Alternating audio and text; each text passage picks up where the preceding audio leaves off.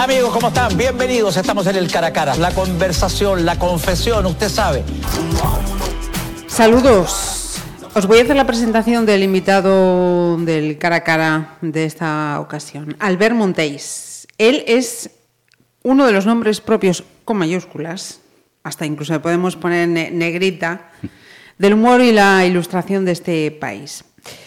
Su trayectoria profesional, si no me equivoco, comenzó en los 90. Bienvenido, ya que haces la Sí, he intervenido antes de tiempo, voy a dejar que me presentes bien, sí, sí, pero voy a ir certificando que todo es cierto. Eh, no, te fíes, no te fíes. Eh, tuviste unos años, em, vamos a decir, de importante responsabilidad al frente de la revista del jueves entre 2006 y 2011. Exactamente. Responsabilidad como que fuiste su director. Durante cuatro años y medio, sí, sí, sí. También en tu trayectoria hay que hablar de la revista Mongolia de orgullo y satisfacción. Estamos ya en el mismo ámbito que nosotros, ya en el ámbito digital, ¿no? Ahí estamos. Y Universo, que es el que te ha traído estos días a Galicia, que anda mm, metido en el ámbito digital, pero también está el papel, ¿no? Sí, sí, sí. De hecho, el digital está muy bien y te da muchas alegrías, pero al final tener el libro en papel, en, el caso de los TVOs, creo que es muy importante. He leído al ver que eso, para ti el papel tiene, tiene algo mm, que, que, se le escapa al ámbito digital. Sí, sí, el digital, ya te digo, como modelo de negocio, como muchas cosas, tiene, tiene grandes ventajas, ¿eh?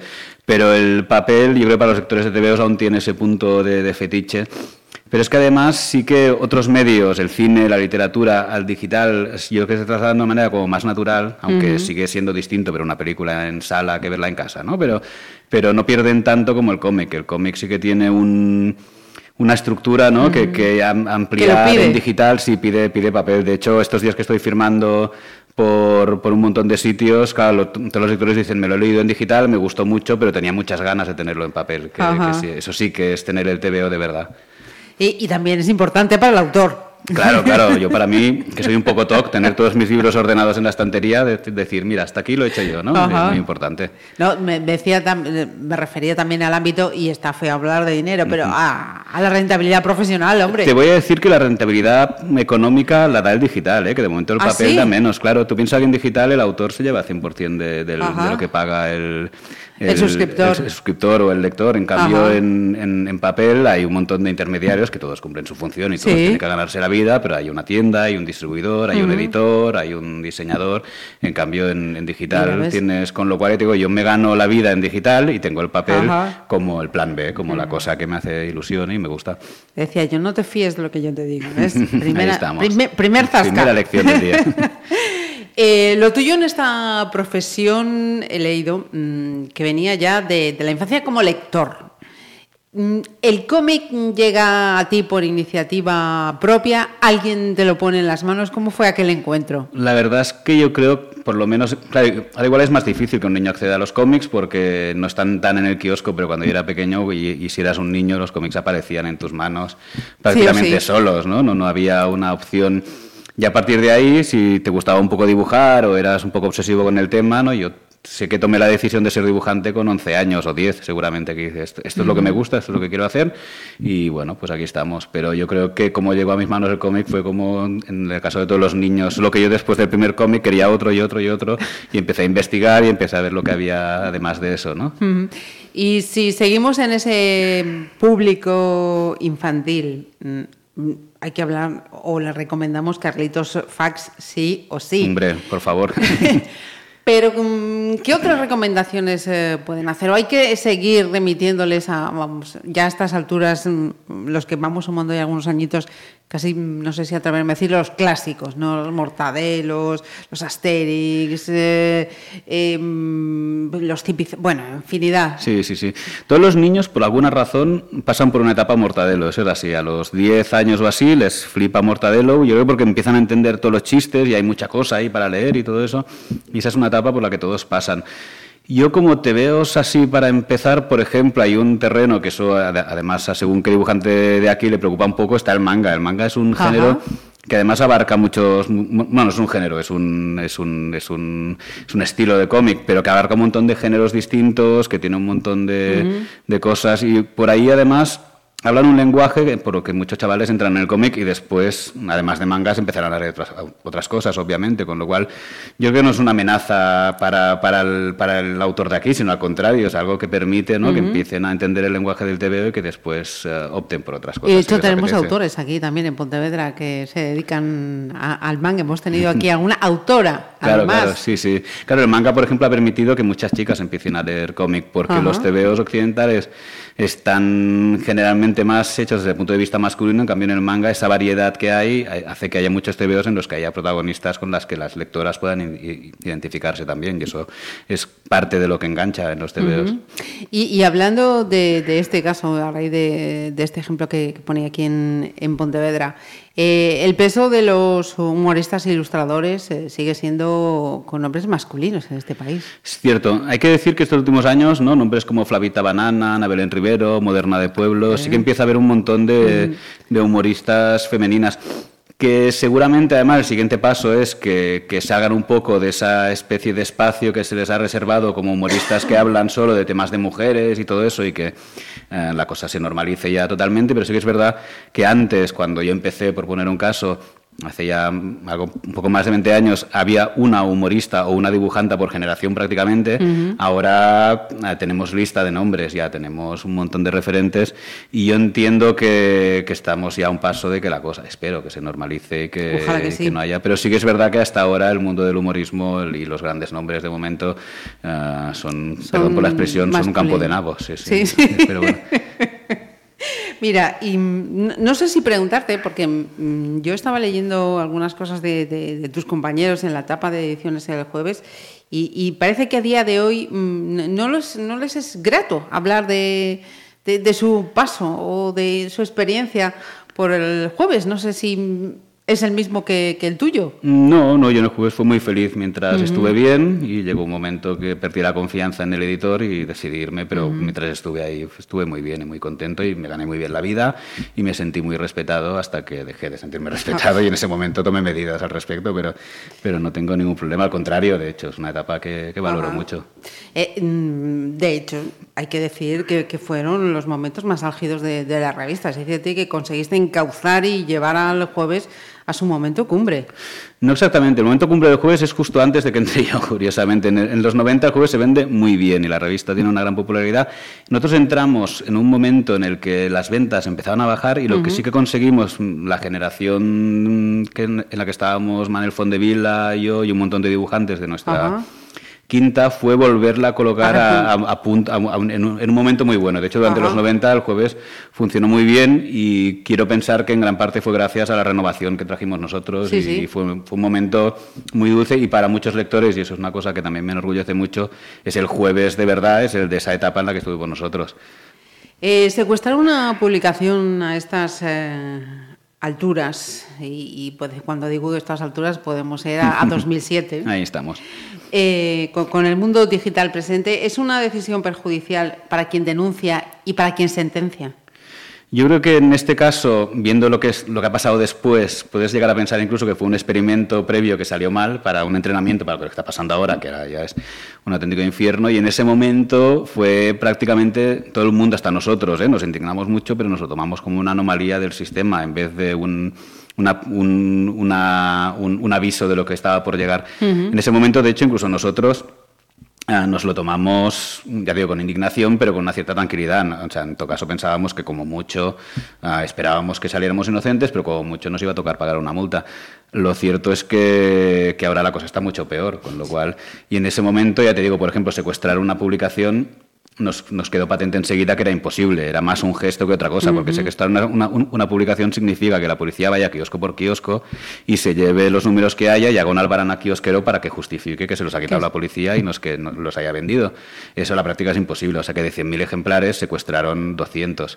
Y además la imagen circuló por internet de una manera absolutamente loca, con lo cual yo creo que ahí vieron lo que habían hecho bien y lo que habían hecho mal y ahora ya lo están haciendo, mm, bueno, bien, bien mal, pero... Bien mal. Sí, sí. Y, y, se cotizó además de manera bien loca, que le leído yo que hasta 2.500 euros. Eso, eso es una leyenda urbana también. ¿Sí? sí, sí, sí, es cierto. Es cierto que hubo un señor que cuando hubo pasado todo esto lo puso a la venta por 2.500 euros. También es cierto que no lo vendió, porque había 100.000 ejemplares de esa revista que se habían vendido en kioscos por un euro y medio, con lo cual yo creo que como mucho lo he visto a 25 o 30 euros en Internet. Pero sí que en su momento hubo hasta un titular pero yo después entré a mirar y vi que, este señor nunca vendió el, el, ejemplar por, esa cantidad. Em, como decías, eh, de alguna manera vosotros eh, fuisteis, desgraciadamente, eh, los pioneros de lo que estaba por, por venir, ¿no? ahora mismo estaríamos en el momento más complicado, esto todavía puede ponerse peor. Yo espero que no, pero la verdad es que es el peor momento que yo recuerde de momento. A lo mejor la cosa puede ir a más, pero y además a varios niveles, ¿no? Por un lado lo que te decía, lo de 2007, que nos lo tomamos con tranquilidad personal, con indignación, pero con tranquilidad. Ahora mismo, la misma situación la viviríamos mucho peor, porque lo cierto es que ahora mismo estaría la posibilidad encima de la mesa de que entráramos en prisión, por ejemplo, que eso es una cosa que en ese momento nadie se planteaba. En cambio ahora hay, claro, hay músicos, hay titiriteros, hay gente que más o menos noches, pero han llegado al juicio y han ingresado en prisión. Mm, con lo cual yo creo que ahí sí que hay un, una intención muy clara, ¿no? por lo menos, de, decirle a la gente lo que puede decir y lo que no, ¿no? Y, de, y de hacer mm, sentencias ejemplarizantes que haga que la gente se lo piense dos veces antes de decir según qué cosa. Pero además está la otra pata del taburete, que es que la gente, el público, por decirlo así, cada vez es más intolerante con el humor que no, que no les parece adecuado, ¿sabes? Yo, cuando empecé en la revista sí que de vez en cuando recibías alguna carta de algún lector que te decía esto no me ha gustado, me ha parecido mal, alguno muy indignado, pero ahora como estamos en redes y todo lo ve todo el mm. mundo, pues de repente la gente a la, a la mínima, ¿no? Cualquier chiste, por inocente que sea, tiene un montón de estrías, claro. Con lo cual el trabajo del humorista se ha convertido en un campo de minas directamente y hay que tener ahora mismo, creo, mucho más valor que cuando yo empecé para hacer humor. Y permíteme la metáfora, por eso has, has huido de, la actualidad, de la realidad y has creado tu universo. la verdad es que yo sí que tenía un cierto agotamiento con el humor de actualidad. No, no por, de hecho ha coincidido con que es el peor momento para hacer humor de actualidad seguramente, pero no, no tiene tanto que ver con eso como que llevaba 20 años haciendo esto y en el fondo de la actualidad es un campo de batalla también un poco triste y un poco agotador. Y cuando llevas tanto tiempo dices, voy a descansar una época y voy a hacer cosas de, de ciencia ficción, que es el caso que nos ocupa, ¿no? El TVO de, Universo, que en el cual también hablo, en cierto modo, de la realidad y del presente, proyectándolo en el futuro y tal, pero de otra manera distinta y con un sentido de la maravilla y un nivel estético que es otra cosa distinta. Y hay que decir, además, eh, que ese trabajo está avalado por, por reconocimientos del propio sector como haber sido nominado, tengo aquí anotado, en 2017 eh, al premio Eisner al mejor cómic digital. Sí, eso fue importante. Igual fue más importante en España que en Estados Unidos. ¿eh? Mira lo que te digo, los premios Eisner son los grandes premios del sector en Estados Unidos, pero allí no tienen mucho seguimiento mediático, tienen seguimiento dentro de lo que es el mundillo del cómic. En cambio aquí, al ser un premio internacional, al ser un premio desde fuera, la prensa cuando a un español se le reconoce fuera sí que se, le da mucha mucha coba. Entonces yo hice muchísimas entrevistas en medios nacionales y, me sirvió de mucho. De hecho, las, las visitas a, la web de donde está Universo alojado subieron muchísimo, hubo mucho más reconocimiento, pero me sirvió más en España que en, que en Estados Unidos, donde también ¿eh? me, me, sirvió para, para que se me conociera por lo menos y todo eso, pero curiosamente es un premio que valorábamos más aquí que allí. Y mm, fíjate, con esto que estás diciendo, vienes eh, de, de, un lugar mm, donde, mm, si no me equivoco, eh, el, Salón del Cómic de Barcelona es lo más que tenemos en este país, con lo cual vienes de, un sitio privilegiado y donde también se te ha reconocido. Sí, sí, sí, claro, también he recibido premios. Creo Barcelona tradicionalmente, durante muchos años, ahora lo ha perdido bastante, ¿eh? pero durante durante lo, hasta los 90 era la capital del cómic en este país, esencialmente porque las editoriales grandes estaban allí, Tutein, Bruguera, Norma Editorial, eso ahora se ha ido disgregando y ahora hay editoriales en todas partes, en Bilbao, en Madrid, en un montón de sitios, y ya esa centralidad editorial ya no existe, pero en cambio el Salón Chica ha seguido, ha, seguido con esa tradición de ser el gran salón de este país, ¿no? con todo lo que implica, desde ser el más criticado desde dentro del sector hasta ser el que lleva autores más importantes, y, pero bueno, para mí es una cita cada año ineludible, pero sobre todo para ver a, los amigos, ¿eh? que al final es donde va todo el mundo una vez al año y ahí es donde aprovechas a ponerte al día con el resto de dibujantes. Mira, y tu opinión quería saber también sobre el sector de la ilustración gráfica aquí en Galicia, con los cuales ya has trabajado, con B de banda. De sí, sí, sí, de hecho, claro, al final, como los dibujantes somos un poco nuestro propio país, ¿no? Y al final, yo, siempre digo, ahora que se habla tanto de nacionalidades y de países y de identidades, siempre digo, mi país son los tebeos, ¿no? Con lo cual, yo al final considero que todos los dibujantes son de mi país. Y, entonces, claro, todos somos muy, muy amigos, en general los dibujantes se llevan bien unos con otros. Y claro, de, aquí, desde el B de Banda, el colectivo Polaquia, ¿no? en A Coruña, siempre ha habido mucha relación con los, con los dibujantes gallegos y siempre, además, siempre ha habido mucha cantera aquí en Galicia, ¿no? desde, desde Miguel Ancho Prado hasta David Rubín, Kiko da Silva, ¿no? un montón de autores que son básicos ahora mismo para entender el devenir de la historieta en este país. Fíjate, eh, estos días de atrás teníamos a, los Bravú. Además, que, son también todos un, género propio, creo, dentro de. han creado su propio universo también, sí, sí, como quien dice. Mira, y ya que hablabas de mi país, son, son los tebeos. Eh, como catalán y estando la situación tan caliente, aprovechando así el humor, está, que, te torras, ¿no? Ahí está, sí, sí. ¿Cuál es eh, tu, tu, visión, tu perspectiva de, ese panorama? Yo la verdad es que ando un poco desesperado con todo esto porque para mí era un tema la identidad pasando por el sitio donde habías nacido que no, que no existe directamente. Yo no tengo ningún tipo de querencia por ningún país. Si, si la pregunta ¿Tu es país son los Mi país son los TVOs y además eso lo digo y me lo creo de verdad, ¿eh? no es una postura y tal. Yo, no, yo, soy, yo soy catalano parlante, por ejemplo, en mi familia hay gente independentista, hay gente que no, hay de todo y tal, pero no entiendo ese nivel de tensión ahora mismo por este tema concreto. Entiendo que hay cosas que se han hecho mal en uno lado y en el otro y puedo, puedo comprender todos los puntos de vista, pero lo que no entiendo es... Yo de hecho es un tema del que he dejado de hablar conscientemente porque es un tema del que no se puede hablar con tranquilidad, porque todo el mundo está situado en un lado de la trinchera y, lo, que donde estaría yo, que es en el punto medio este de decir, ¿por qué no podemos todos ser amigos, por favor? ¿no? Que es una postura también muy ingenua, lo admito. Pero como no entiendo lo otro, no entiendo las identidades a este nivel, ni entiendo nada de esto, pues solo puedo hacer que mirarlo todo con cara de pasmado. Mira, y ahora mismo estás con, con ese universo. Mm, a medio largo plazo, mm, tu intención es eh, seguir eh, por ahí y dejar toda esta realidad en la que estamos. Y no sé si inmersos o dormidos. Eh, sí, sí, sí, estamos atrapados en el día de la marmota, ¿no? Va pasando lo mismo una y otra vez.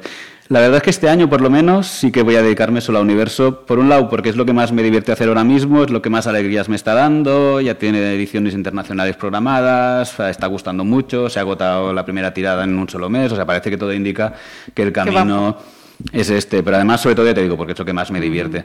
Yo de hecho me doy cuenta de que lo que más me gusta pese a todo es cuando una cosa ya la he hecho, ya, ya la tengo por la mano, cambiar y hacer otra cosa, que igual dentro de un año o dentro de dos, cuando ya Universo me lo sepa de memoria, ¿no? pues me apetecerá hacer otra cosa, que igual no será ni humor gráfico, ni será esto, sino que será cualquier otra cosa que me interese, porque al final sí que me doy cuenta que desde que me fui del jueves mm, y, soy más pobre, pero más feliz, porque, porque hago más cosas distintas. Cuando los años que estuve en el que me lo pasé muy bien, llegó un punto en el que estaba ya tan acostumbrado a hacer cada semana lo mismo que el mm. cuerpo me pedía otra cosa. ¿no? Ahora he tenido una oportunidad, mm, dada por las circunstancias, de cambiar y de hacer otras cosas.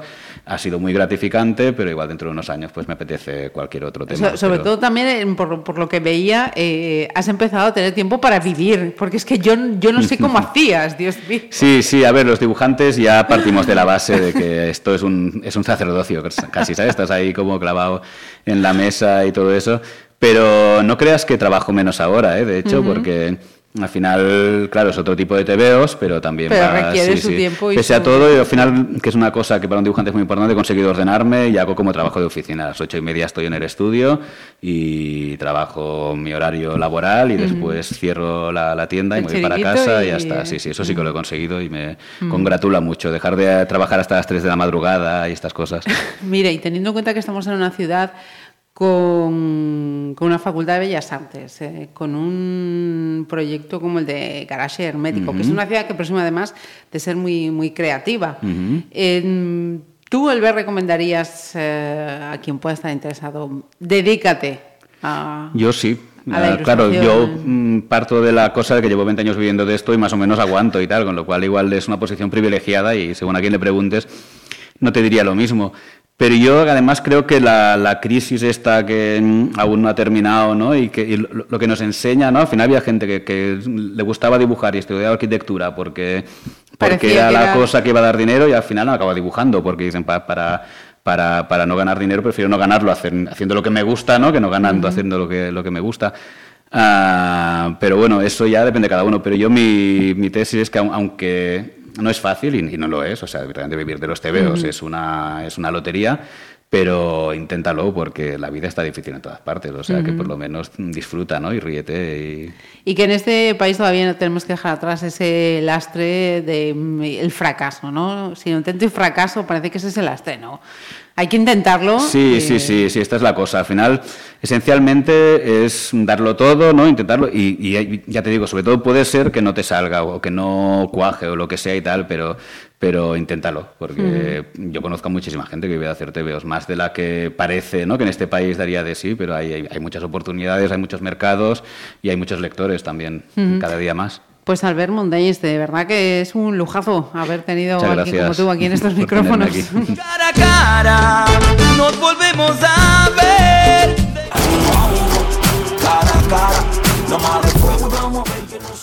Cara a cara. Pontevedra Viva Radio.